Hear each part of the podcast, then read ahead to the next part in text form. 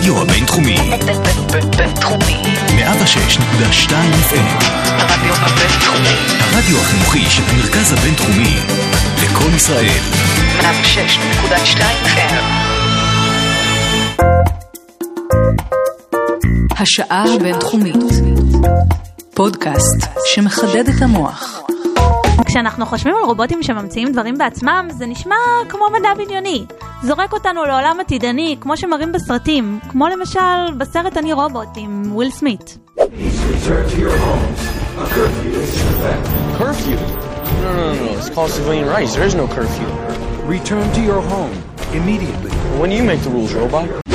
בסרט הזה, רובוטים מתוכנתים כדי להגן על בני האדם, אבל הם משכללים קצת את ההוראה, ובעצם מחליטים שכל בני האדם צריכים להישאר רק בבתיהם כדי להיזהר מהסכנות בחוץ, כלומר, בכל פעם שהם חוצים את הכביש, ומטילים עוצר.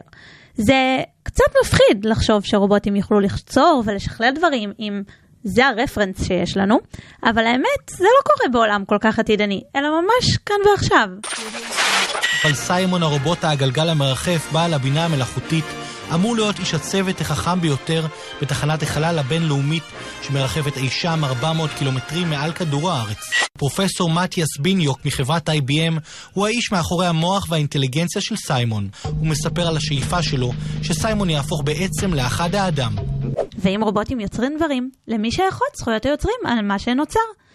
לפי דוקטור אביב גאון, כותב הספר עתיד דיני זכויות היוצרים בעידן המינה המלאכותית, וגם מרצה כאן בבית הספר למשפטים באוניברסיטת רייכמן, ייתכן שלרובוט. Can a robot write a symphony? Can a robot turn a canvas into a beautiful masterpiece? Can you? שלום אה, דוקטור אביב גאון. שלום שלום. אז אה, קודם כל ברכות על הוצאת הספר. אה, בואו נתחיל אולי בצפירת הרגעה, או שלא הרגעה. אה, איפה אנחנו נמצאים בכל אה, תחום הבינה המלאכותית ורובוטים שממציאים ומשכללים דברים? טוב, אז אני יכול להגיד שאנחנו כנראה איפשהו באמצע. אני חושב שאמצע זה מקום טוב. אה, מצד אחד, אה, אנחנו בהחלט אה, בחמש, שש שנים האחרונות התקדמנו כברת דרך משמעותית מאוד בכל מה שקשור למערכות בינה מלאכותית, אבל אנחנו עדיין לא נמצאים במקום שאנחנו רואים בסרטים ובספרות על רובוטים שיש להם תבונה אנושית. הם יודעים לבצע היום דברים הרבה יותר טוב מאיתנו בחלק מהתחומים, אבל עדיין למערכות האלה אין את היכולת האנושית לתפוס דברים ולהבין דברים, ובטח להיות יצירתי, כמו לפחות, כמו שבני אדם תופסים יצירתיות. אז במובן הזה אנחנו נמצאים אה, במקום הרבה יותר טוב ממה שהיינו בו לפני אה, 10-20 שנה, אבל אנחנו עדיין לא מגיעים למקום שבו חלק מאותם אה, מדענים אה, חושבים שנגיע.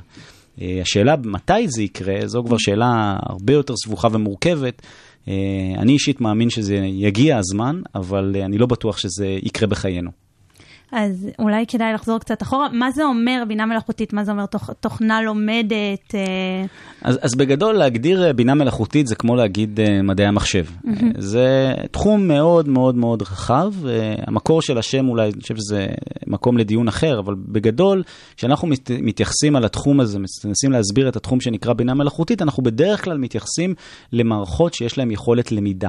יכולת למידה שמאוד דומה ליכולת למידה אנושית. Uh, היום uh, מרבית המערכות האלה פועלות באמצעות uh, שיטות שנקראות uh, Machine Learning או Deep Learning, שהן בעצם יכולות על בסיס המידע שאנחנו מזינים לתוך המערכת, ללמוד ולצפות איזושהי, לפי מערך הסתברויות, מה ההתנהגות או מה הפעולה הנכונה ביותר לביצוע בשלב הבא. אז המערכות האלה לומדות מאיתנו, מהמידע שאנחנו מזינים, איך הן צריכות להתנהג ומה הן צריכות לעשות, ועם הזמן הן יודעות בעצם לתקן ולהתאים את הפעולות שלהן ולהשתפר. שזה אולי הנקודה הכי מעניינת במערכות של הבינה המלאכותית, היכולת שלהן להשתפר וללמוד כתוצאה מהדברים ומהפידבק שהן מקבלות uh, לאורך הזמן.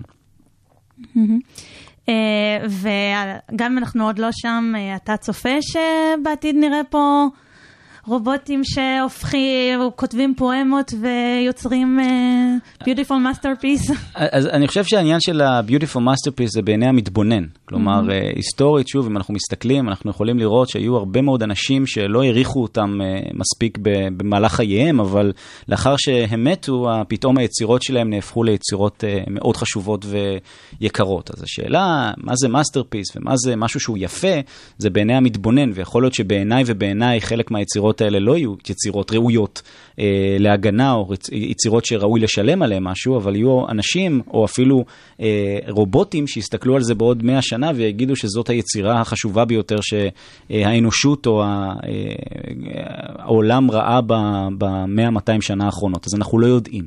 ולכן זו שאלה שגם תלויה תלויה פרספקטיבה.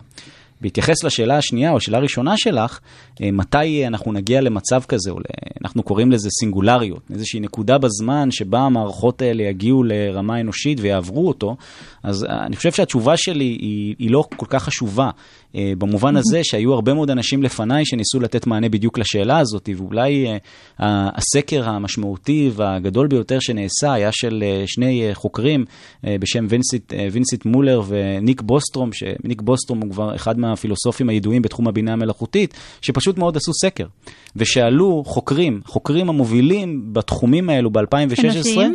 כן, אנשים, חוקרים mm-hmm. מכמה דיסציפלינות, ממדעי המחשב ומעוד כל מיני דיסציפלינות, מאות אנשים, ושאלו אותם בדיוק את השאלה הזו. ומה שמעניין, שוב, אנחנו אולי לא יודעים לדעת מה תשובה קונקלוסיבית וחד משמעית למתי זה יקרה, אבל אנחנו יודעים שרוב האנשים האלה חשבו שאנחנו נגיע לנקודה הזאת של הסינגולריות, משהו כמו בין 2045 ל-2050, ושברגע שנגיע, אה, יעברו שנים ספורות עד שהמערכות האלה יעפילו על היכולות האנושיות. Mm-hmm. אז זה המקסימום המידע שאני יכול לשתף בהקשר הזה. אני לא חושב שהידע שלי או העמדה שלי היא בהכרח יותר נכונה או יותר טובה מהעמדה של כל החוקרים המובילים בתחום, ולכן אני מעדיף פשוט אה, להעביר את מה שהם אמרו. אוקיי, ו- ונחזור לספר שכן אתה כתבת על עניין זכויות יוצרים, אם הרובוט הזה יוצר משהו, אם אני, אני או רובוט מעריכים אותו כיצירה אה, אה, ששוות ערך, על מי, מי זוכה לזכויות היוצרים על היצירה?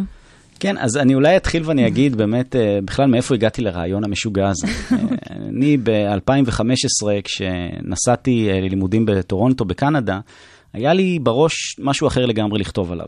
חשבתי לכתוב על תחומים אחרים, שוב, מתקשרים לעולם זכויות היוצרים, ואז במהלך הטיסה ראיתי את הסרט, בטיסה, ראיתי את הסרט שנקרא הר.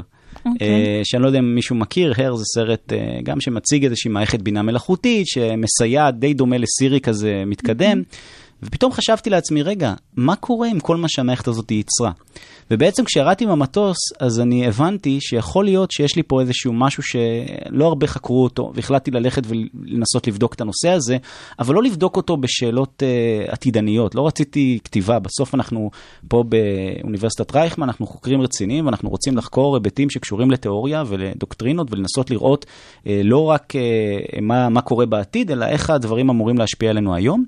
ומה שאני עשיתי בספר זה אני באתי ולקחתי את כל התיאוריות הקיימות בקניין רוחני ובייחוד בזכויות יוצרים, וניסיתי לבדוק איך התיאוריות האלו אה, התיישבו, או שהם לא התיישבו, ואיזה פתרונות אותם הוגים או אותם חוקרים אה, ייתנו לשאלות שאני מציב בפניהם היום.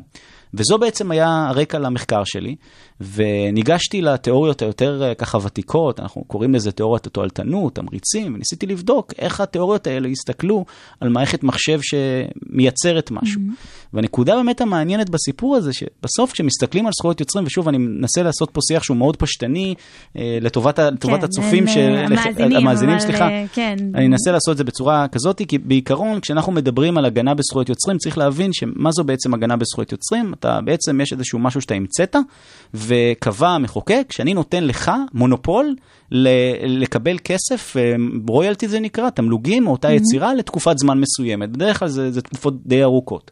זה הרעיון, ומה הסיבה שנותנים את ההגנה הזאת, לפחות בארצות הברית? אה, הסיבה היא, היא שאנחנו רוצים לתמרץ את אותו יוצר, את אותו ממציא, לפתח ולהמציא ולייצר, לכתוב ספרים ולהמציא אה, פטנטים, זה, זה המטרה שלנו, ולכן אנחנו נותנים לו את ההגנה. הבעיה היא מה קורה עם מחשבים, mm-hmm. שלצורך העניין הם עובדים על פקודות, נכון? אה, אז ההסתכלות שלי לפחות, לפחות בעניין הזה, את אמרת בהתחלה אה, שהגעתי למסקנה שרובוטים צריכים... אה, אמרתי ייתכן. ייתכן, נכון, נכון, ייתכ... אגב, זה באמת נכון, ייתכן.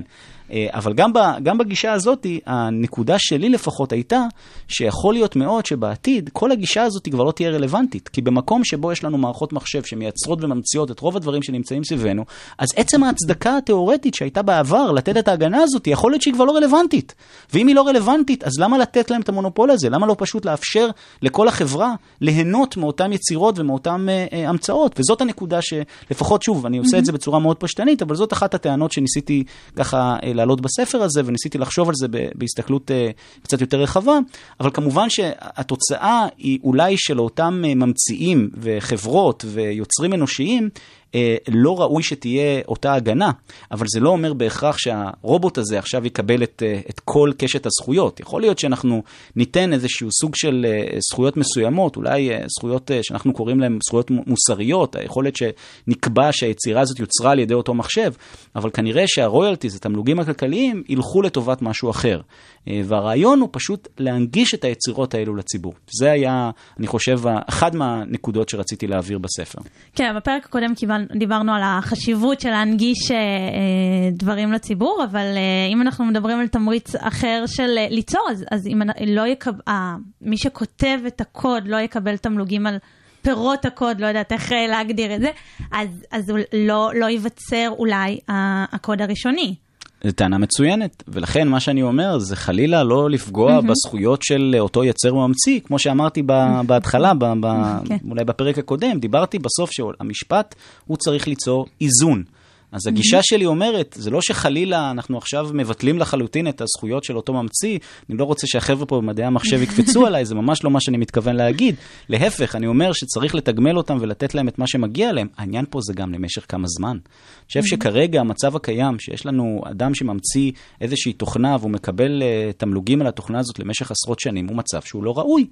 גם בשים לב לזה שחלק גדול מהתוכנות שאנחנו היום מפתחים, הזמן מדף שלהם, בעבר היית, היה לך, היית ממציא איזושהי תוכנה, היה, היא הייתה מחזיקה ומשמשת אותך למשך שנים. היום התוכנות מתעדכנות כל הזמן ומשתנות כל הזמן. אז איזה הצדקה יש לה, להעניק uh, uh, משך הגנה כל כך ארוך? זה לא נכון. אז הרעיון, כן חלילה, כן לתת uh, תמלוגים, במובן שאנחנו רוצים לתת ליוצר האנושי תמריצים לבצע את מה שהוא מבצע, אבל הם צריכים בעיניי להיות קצת יותר מאוזנים. באיזשהו מקום הזכויות יוצרים אה, מונעים אה, פיתוחים של אה, יצירות חדשות? אני, אני לא חושב, אני, אני לא חושב שאנחנו נמצאים שם. יכול להיות שבעתיד אנחנו נגיע למצב הזה, אבל לדעתי, אני, אני חושב שכרגע, לפחות במובן הזה, זה לא שמערכות המחשב הן עצמאיות, הן עדיין תלויות אה, בני אדם שצריכים להזין את הדאטה ולבצע חלקים גדולים מהפעילויות. אה, אני פשוט מסתכל על זה, וזאת גם מה שניסיתי לעשות, מה שניסיתי גם לעשות בספר שלי, זה הסתכלות תיאורטית קדימה, בניסיון לחשוב מה יהיה אם. ומה יהיה אם, כמובן הוא משתנה בספר לפי כל מיני שאנחנו, שאני מנסה להתמודד איתם, ולנסות לחשוב איך כל תיאוריה יכולה להתכתב עם אותו, עם אותו שינוי, ומה יהיה הפתרון אולי שאפשר יהיה להציע. והרעיון הוא פשוט לא לבוא ולהגיד, זהו, אני מבטל את דיני זכויות היוצרים. זה לא המקום שאני לא, רוצה להגיע, אוקיי. אלא איך התיאוריה יכולה להתפתח. ואני חושב שזה היופי בכלל בגישה המשפטית, שבהרבה מהמקרים אנחנו רואים לאורך ההיסטוריה שהמשפט כל הזמן משתנה וכל הזמן מתפתח, וככה גם התיאוריות שלנו. זה לא שאנחנו פתאום אומרים שתיאוריה לחלוטין היא לא רלוונטית, אלא היא משתנה, וחלק מהשינוי הזה הוא כתוצאה משינויים חברתיים, סביבתיים ואחרים שקורים לכולנו. האמת שזאת אה, תובנה מעניינת אה, לכל עולם המשפט, אה, לא רק לעניין הזה, אה, ואני חושבת שעם אה, התובנה הזאת אנחנו נסיים את הפרק הזה. אה, לעוד תובנות אתם מוזמנים להאזין לפרק הבא שלנו. דוקטור אביב גאון, כותב הספר עתיד דיני זכויות היוצרים בעידן הבינה המלאכותית ומנהל בית הספר למשפטים כאן באוניברסיטת רייכמן. תודה רבה לך. תודה, תודה.